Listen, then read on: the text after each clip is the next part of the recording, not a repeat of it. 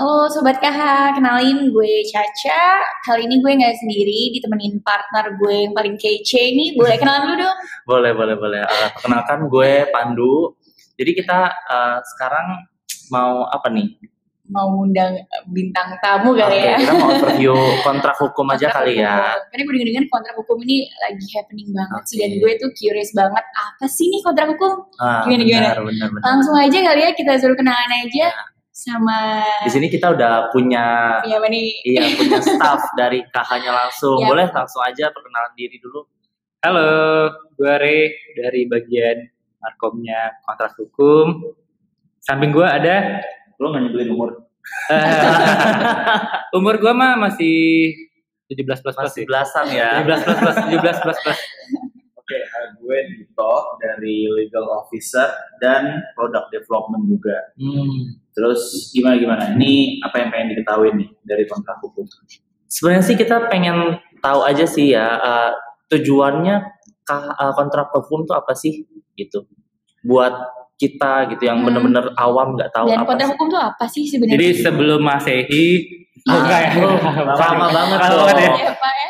Jadi beberapa tahun yang lalu founder kita Ibu Rika Karolin dia eh, mempunyai passion di bidang hukum dan mempunyai mimpi untuk membantu para startup eh, agar terbantu dari sisi aspek legalitas. Makanya dia mendirikan kontrak hukum yang dulunya namanya buat kontrak. Hmm. Eh, kalau dulu hanya buat kontrak, sekarang ada pengembangan eh, layanan jasa, makanya namanya kontrak hukum. Jadi sempat berubah nama gitu ya? Yes, sempat berubah nama di tahun 2016-17 lah.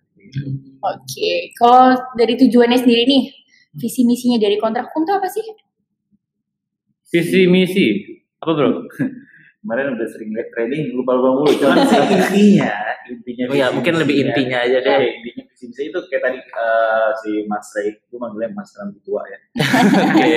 si Mas Ray tadi bilang kan, eh, eh, bos kita, CEO kita, Mhm. Mbak Rika itu pengen membantu startup-startup atau UMKM ya yang ada di sini. Ya. Jadi kayak eh, gue sini cerita dulu kali backgroundnya dulu boleh. dulu gue sempet di law firm sebelum masuk sini. Nah emang yang selalu gue lihat itu eh, pasti kendalanya orang-orang buat pak eh, minta bantuan hukum itu adalah uang. Karena kalau lo masuk ke law firm itu lo pasti kan hourly charge kan.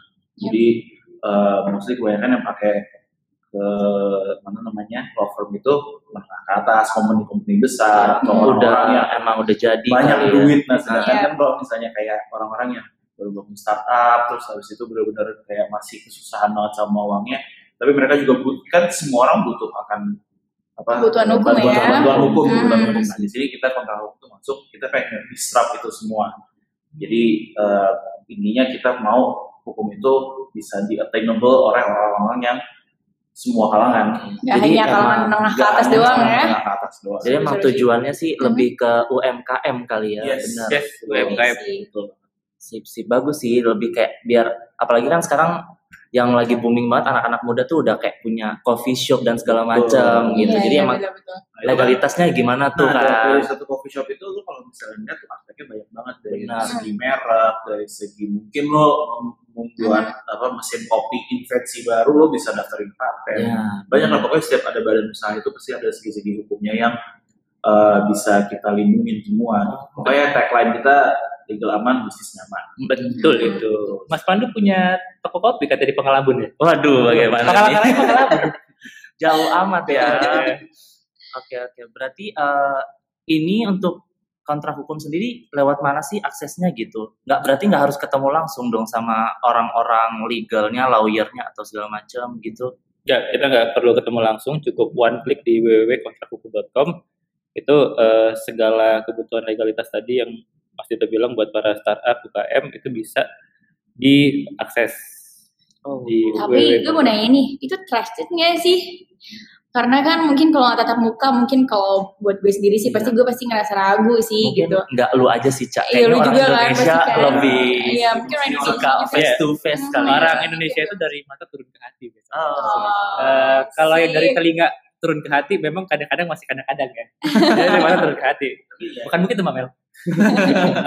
tapi emang emang di situ jalan kita juga. Nah, ya emang emang mostly orang-orang Indonesia itu masih belum terlalu apa ya eh, trust juga sama teknologi walaupun eh, udah segitu banyaknya sources, cuman Mhm. ya challenge yang harus kita hadapin itu juga. sih. Hmm. kita tuh mempunyai dua tantangan. Tantangan kita yang terberat itu adalah yang pertama mengubah dari sistem konvensional ke digital. Hmm. Ya itu tadi pertanyaannya Mbak Caca tuh bagus banget. Eh, apa namanya? Ya ini itu tantangan kontrak hukum. Yang kedua ya aspek hukum eh, kesadaran hukum di Indonesia itu masih sangat kecil banget dan kita juga eh, itu PR kita untuk eh, menyadarkan kalau legalitas hukum itu penting kalau lo mau lakuin sesuatu apalagi Oh. bisnis. benar benar benar sih oke kita uh, kayaknya pernah dengar kepoin hukum gak sih cak Pernah sih gue denger, Pernah tapi gue ya. nggak tahu sih itu persisnya apa. nah oke di sini juga mungkin staff dari KH bisa jelasin gak sih kepoin hukum itu juga untuk apa aja sih sebenarnya ke kita gitu Mas lebih berkompeten. Jadi Ya. kalau kepoin hukum itu gini, eh, kita kontrak hukum eh, ingin merubah wajah hukum di mana eh, selama ini orang kalau ngomongin hukum pasti ribet, mahal, sesuatu yang serius banget gitu, Pusing, kan? pusing. Ingat Hmm. ya. Jadi kita bikin sebuah program namanya Kepoin Hukum. Program ini eh, di online bersama Hmm. Kaskus TV dan juga di offline-nya kita bekerja sama dengan komunitas, media dan sebagainya. Kita jalankan eh, sebuah program edukasi yang fun, ringan dan tetap berhadiah gitu. Kalau untuk OPR-nya, asik banget ya ikutan. untuk OPR-nya pasti selalu ada selfie competition, medsos, kayak gitu-gitu. Oh. Jadi sedikitnya mengubah wajah hukum lah. Karena tadi seperti yang eh, kita kita katakan kalau hukum ini memang eh, cukup ribet, edukasi hukum masih. Hmm, oke. jadi kepoin hukum ini udah berapa kali sih diadainnya? Kepoin hukum ini diadakannya udah empat kali Oh, udah lumayan. dari bulan Januari kemarin. sip sip. Yang terakhir kapan tuh kalau boleh tahu? Yang terakhir eh, akhir bulan kemarin bulan Juli kita kerjasama dengan Kaskus eh, dan Daily Sosial kita ngebahas mengenai legal aman investor datang jadi kelengkapan legalitas ketika eh, teman-teman mau mendapatkan investor. oke sip, Kayaknya sip. kita eh, rencananya bikin di podcast itu Hmm. buat Hmm. teman-teman yang mungkin dia ke skip buat nonton eventnya atau mungkin nggak tahu dengan event-event sebelumnya. Nah kalau di podcast ini kan ya jadi lebih lebih gampang akses ya Lebih aksesnya kan Iya. lebih gampang gitu. Tinggal kayak, eh gue kemarin dapet nih kayaknya lagi ngebahas topik haki, jadi gue dengerin ulang tuh masih bisa juga. oh Kepoin hukum itu ada tagline loh. apa Ikutin tuh? ya kalau gua ngomong kepoin hukum kalian semua bilang yuk kepoin. Boleh, boleh, boleh. Oke. Kepoin hukum. Yuk, Yuk, kepo. kepo.